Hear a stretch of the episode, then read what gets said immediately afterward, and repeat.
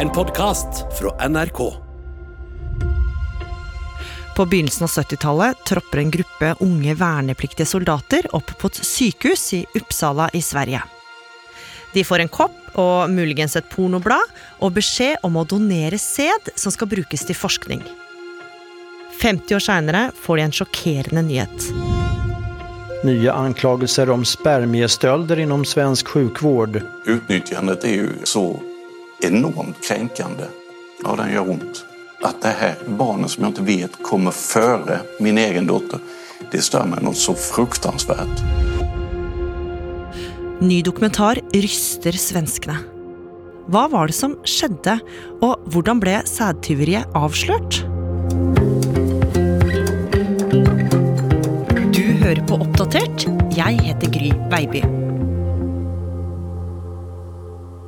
Lisa Jarenskog, du er journalist i Sveriges Television, og en dag for ett år siden så får du ett uppsiktsväckande tips. Ja, jag och min kollega Fredrik Meister som är släktforskare, vi får ganska många tips vid den här tiden. Och eh, det här är verkligen ett tips som vi tycker sticker ut direkt. Dette tipset det kommer fra en kvinne som du tidligere har vært i kontakt med da du laga en dokumentar om donorbarn. For den svenske kvinnen, som selv er et donorbarn, hun hadde fått hjelp av en slektsforsker til å finne den biologiske faren sin. Og en dag så får hun beskjed om at slektsforskeren har fått et treff på en mann. Men når han kontakter den biologiske faren til kvinnen, så skjer det noe rart. Den här DNA-släktforskaren har då försökt hjälpa henne att hitta hennes biologiska pappa, som hon tror är en spermiedonator. Men när han ringer den här mannen så blir han helt chockerad. Han har inte varit spermadonator och han kan absolut inte förstå att han skulle ha en biologisk dotter. Så slektsforskeren har altså funnet mannen som er den genetiske faren hennes. Men det er jo merkelig da at han sier at han ikke har donert sæd. Hva sier han selv om hvordan det kan ha skjedd? Ja, först kan han faktiskt inte förklara det.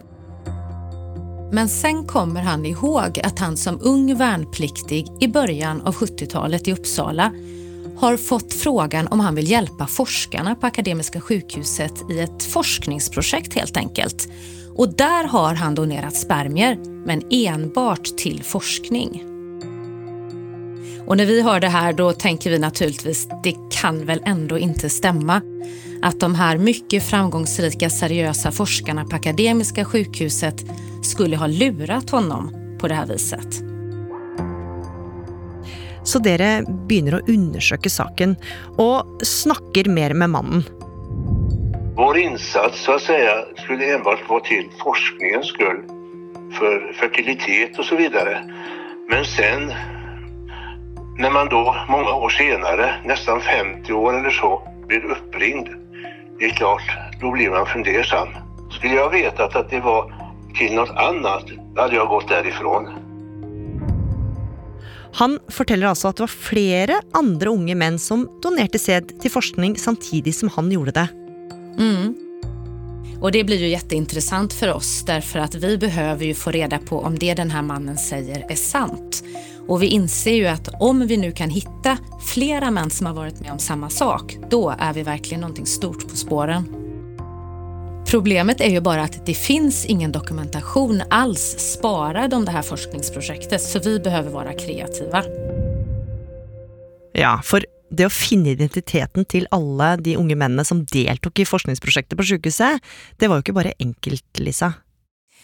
I Sverige finns det något som heter Krigsarkivet och där kan vi begära ut namn på alla som gjorde värnplikten i Uppsala mellan åren 1969 och 1973.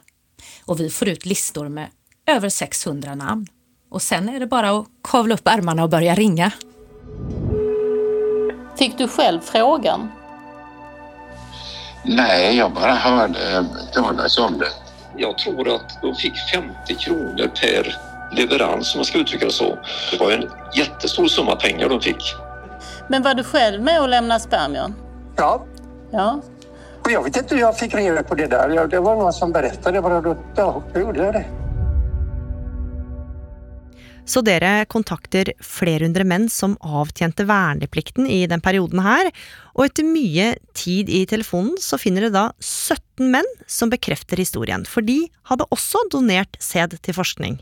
Ja, precis. Vi får kontakt med ett antal män som alla i princip har samma bild av vad de här spermierna ska användas till. Och det är helt enkelt till forskning. Läkarna informerar de här unga männen om att de ska delta i ett projekt där man undersöker möjligheten att frysa ner spermier. Och de här männen, ja de är väldigt unga, de är 19-20 år någonting och de får riktigt bra betalt, ungefär 50 kronor för varje leverans om man säger så. Och det är alltså tio gånger mer än deras dagsersättning. Så de blir ju självklart väldigt lockade av att säga ja till det här. Vi ringer upp alla de här männen och eh, många av dem har ju inte tänkt en tanke på det här forskningsprojektet på 50 år så de blir ju ganska chockerade bara av att vi ringer och påminner om det. Sen blir det ju inte bättre när vi berättar för dem våra misstankar. Att det kanske finns biologiska barn till dem där ute någonstans. Og nå går dere videre med undersøkelsene for å finne ut av om noen av disse 17 mennene faktisk er blitt ufrivillige fedre. Men det setter jo også disse mennene i et dilemma, for de må nå si ja eller nei til å ta en DNA-test, og altså finne ut om de har et ukjent barn et sted. Mm. Tio män av dem vi tar kontakt med är villiga att göra DNA-test i hopp om att få svar om det här. Men det finns också de som tycker att det här är för obehagligt och som helt enkelt tackar nej och hellre vill vara ovetande. Men en av dem som vill veta sanningen, han vill också gärna träffa oss så att jag åker hem till honom och han tar ett DNA-test där. Man litade ju på dem. Men det gör du på en bilmekaniker också. Den här mannen, han är familjefar, han har arbetat som lärare hela sitt liv och eh, han har tänkt ganska mycket på det här testet redan när jag kommer. Det blir ju nästan lite som avelsdjur. Jag menar, det är ju det är oskyldiga djur som inte vet vad de gör. Jag. Det blir ju lite så. Då har jag ju blivit någon form av, ja, någon som man utnyttjar. Han tar ju ett sånt här vanligt kommersiellt DNA-test som många säkert har sett på TV hur man gör. Man kan antingen spotta i en liten burk eller man kan skrubba sig själv på insidan av kinden med en tops. Och sen lägger man det i ett kuvert och skickar iväg det till USA där de här stora labben finns och sen är det tyvärr en ganska lång spänd väntan innan man får svar. Samtidig som dere venter på disse svarene, så begynner vi å se nærmere på dem som jobba på sykehuset i Uppsala på tidlig 70-tallet. Mm. Eh, vid den här tiden så var ju Uppsala väldigt framgångsrika inom fertilitetsområdet. Folk från hela världen kommer dit för att få hjälp för att bota sin barnlöshet eh, och under resans gång så blir vi också varse att det kommer folk från Norge till exempel. Och eh, läkarna de forskar då på olika metoder för att, eh, att kvinnor ska kunna bli med barn helt enkelt. Det handlar om olika hormonpreparat och olika sätt då att eh, göra inseminationer med fryst sperma som det här experimentet då handlar om. Det var nog förberedande som läkaren kom och sa till mig att det här är bra. Du gör, du, du gör en insats för människor, för par som inte kan få barn. Og så kommer endelig svaret på DNA-prøvene som dere har sendt inn, og det skal vise seg få store konsekvenser for dem det gjelder. Ja, det är inga lätta besked att gå och vänta på det här och, och många av de som väntar tycker ju faktiskt att det låter för osannolikt för att vara sant. Men det visar sig att tre av de männen som vi har varit i kontakt med, de har blivit biologiska fäder mot sin vilja.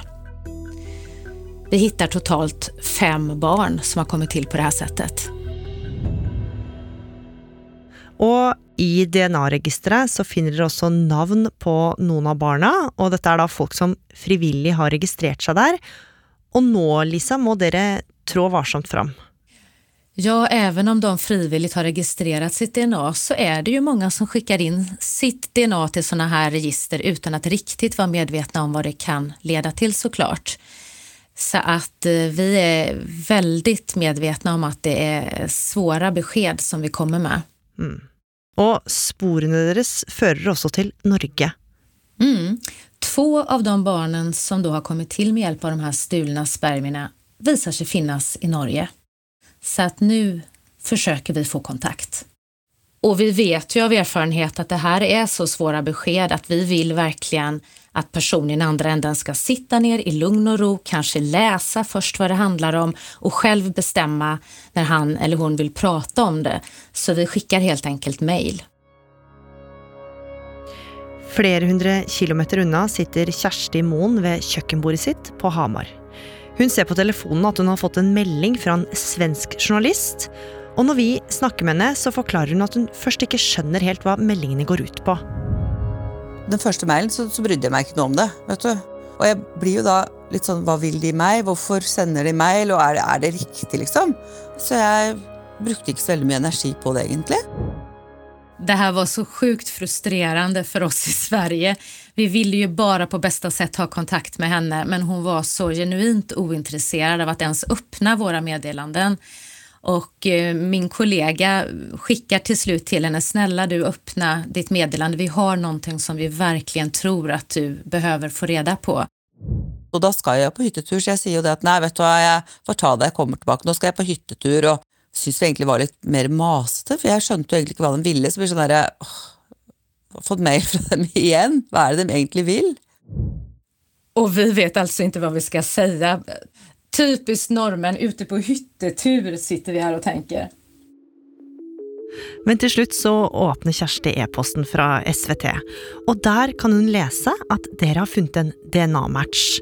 Och även om Kjersti inte helt förstår vad det innebär så avtalar hon att snacka med dere. Ja, då sitter vi, då han ringer och så har vi på högtalaren och vi sitter ju väldigt spända som tre små mus i, i soffan med öronen rätt ut och Og jag säger egentlig lite på tulten med en gång. Ja, ja, det, har jag en eh, halvbror eller har jag en far? Och så blir det lite stille från andra sidan och så säger han ja, det är din biologiske far. Och jag bara, eh, nej, det stämmer inte. Och, han bara, och så säger han till mig, ja, har du aldrig visst om det? Så sa jag, nej, det har jag inte visst om og jag har en far så det här, eh, det, det her må vara något fel. For Kjersti har avsløringa til Lisa og kollegaene ført til mange spørsmål. Den faren som jeg vokste opp med, han er jo den faren som er i hjertet mitt. Og, og den som jeg på en måte anser som far, da. Nå er jo han død. Men så blir det jo et, et nytt dilemma som stiller seg opp, og det er jo det Jeg har jo lyst til å møte denne her eh, biologiske faren for å se jo, Du blir jo litt nysgjerrig. Hvordan ser han ut? Er vi like? Har jeg noen halvsøsken? Eh, är det några genetiska eh, sjukdomar i familjen som vi kanske borde veta om så att vi också får testat oss? Eh, så det är väldigt många spörsmål, men så, så sitter jag och tänker, jag har mycket tanke på han också då, som sitter där på andra sidan och har fått sitt livschock, han också, att han har en dotter. Det är ju vanskligt och, och jag skönjer ju att han också måste ha lite tid på att bearbeta, men jag håper jo at han kan møte meg en gang, sånn at jeg ja, kan få tilfredsstilt de spørsmålene og de tankene og det, det jeg lurer på nå, da. Men eh, Lisa, det er jo mange flere enn Kjersti som har blivit påvirka av sædtyveri på sykehuset i Uppsala. Ja, absolut. Det är ju inte bara eh, männen som har blivit bestulna. Det är ju också de här donatorbarnen som har kommit till på ja, men helt falska premisser. Och det finns ju också anhöriga till dem, inte minst mammorna som ju har försökt få barn och har trott i hela sitt liv att det är på andra änden en man som har velat hjälpa dem frivilligt och som nu får det här beskedet. Det, det är tufft för väldigt många inblandade. De här männen som får besked om att de har blivit fäder mot sin vilja, de har väldigt svårt att hantera det här. Första reaktionen är ju att de inte vill ha någon kontakt alls med de här biologiska barnen. Och för de flera männen önskar vara anonyma är stämmen du nu ska få höra läst av en skådespelare. Men däremot så har jag en familj med barn Och skulle min fru få reda på det här, då startar ju tredje världskriget, skulle jag säga. Så det är väl det som är det mest kniviga i situationen, så att säga, för min del. Jag vill ju bara klippa av det här va. Jag har ingen känslomässig relation till det, utan jag blir bara förbannad. Vi var ju i god tro. Nå er det jo 50 år siden disse mennene sa ja til å delta i det de trodde var et forskningsprosjekt, og i dokumentaren dere har laga, så prøver dere å finne ut hvem det var som bestemte at sæden deres skulle brukes til å befrukte kvinner. Hva fant dere ut av? Ja, det svåra har ju varit att det här hände för länge sedan, så att de som är ansvariga för det här är helt enkelt avlidna. Eh, det vi vet är ju att den som ledde projektet var en av dåtidens allra största pionjärer inom det här området, en känd fertilitetsprofessor. Men självklart så tar vi ju kontakt med de som är ansvariga på sjukhuset idag och ber att få deras syn på saken. Men jag kan ju förstås inte förklara eller försvara det som har hänt i det här. Och om vi inte kan slå fast vem som har gjort vad, är det då Akademiska sjukhuset som är ansvarig för det som händer? Ja, um, på något vis känner vi, vi känner ju ett ansvar för detta. Vi tycker ju att det här är jättetråkigt. Så åtminstone så känner vi ett moraliskt ansvar för det som, det som har hänt uh, och tycker det är väldigt beklagligt. Sen om vi är juridiskt ansvariga, det kan jag inte svara på. Och förra veckan hade dokumentären premiär på svensk TV. Hur har reaktionerna varit på det ni har funnit ut av? Reaktionerna har varit eh, massiva faktiskt. Eh, det har väckt väldigt mycket tankar och känslor. Och eh, jag har fått oerhört mycket reaktioner från donatorbarn och från värnpliktiga och från familjer till båda delar som, som är oroliga för vad de eventuellt har utsatts för. Og Lisa, dere fant jo fem donorbarn, to av dem her eh, i Norge altså. Men hva er sjansen for at det finns enda flere? Vi har fått tag i fler namn efter att dokumentären har sänts och det är också så att vi fortfarande går och väntar på DNA-resultat. Plus att det kommer in hela tiden nya tips från folk som är oroliga och vill veta. Så att eh, det är mycket möjligt att det här bara är toppen på isberget som jag har sett. Vad är chansen för att liknande ting kan ske igen idag? Det har ju skett tidigare. Vi har avslöjat spermiestölder på ett annat sjukhus i Sverige och det är ju fruktansvärt. Och det här är ännu ett exempel på någonting som berör och som är oerhört drabbande för de berörda. Jag vet ju att det är helt andra regler och kontroller idag så att eh, man får verkligen hoppas att det är bättre uppstyrt idag.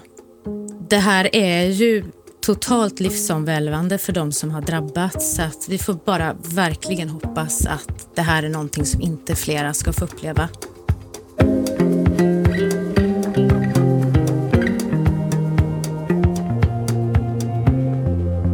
Oppdatert er en podkast fra NRK Nyheter, og denne episoden den er laga av oss. Produsent Sara Victoria Rygg. Teknikk og lyddesign Espen Bjørlo Mellem. Vaktsjef Irina Kjelle og jeg heter Gry Veiby. Programredaktør er Knut Magnus Berge. Klippene du har hørt, er fra SVT og Sveriges Radio. Har du tips eller innspill til oss i Oppdatert, så kan du kontakte oss direkte i NRK-appen eller sende en e-post. Adressen er oppdatert krøllalfa nrk.no. En podkast fra NRK. Apetor var en mann i 50-åra som er sett over 400 millioner ganger på YouTube. Hello Somalia! Hello Japan! I'm your Norwegian brother. Fansen elska de ville stuntene hans, på isen ute i skogen. Men det som gjorde Apetor berømt, ble også det han døde av. Hør Apetor i appen NRK Radio.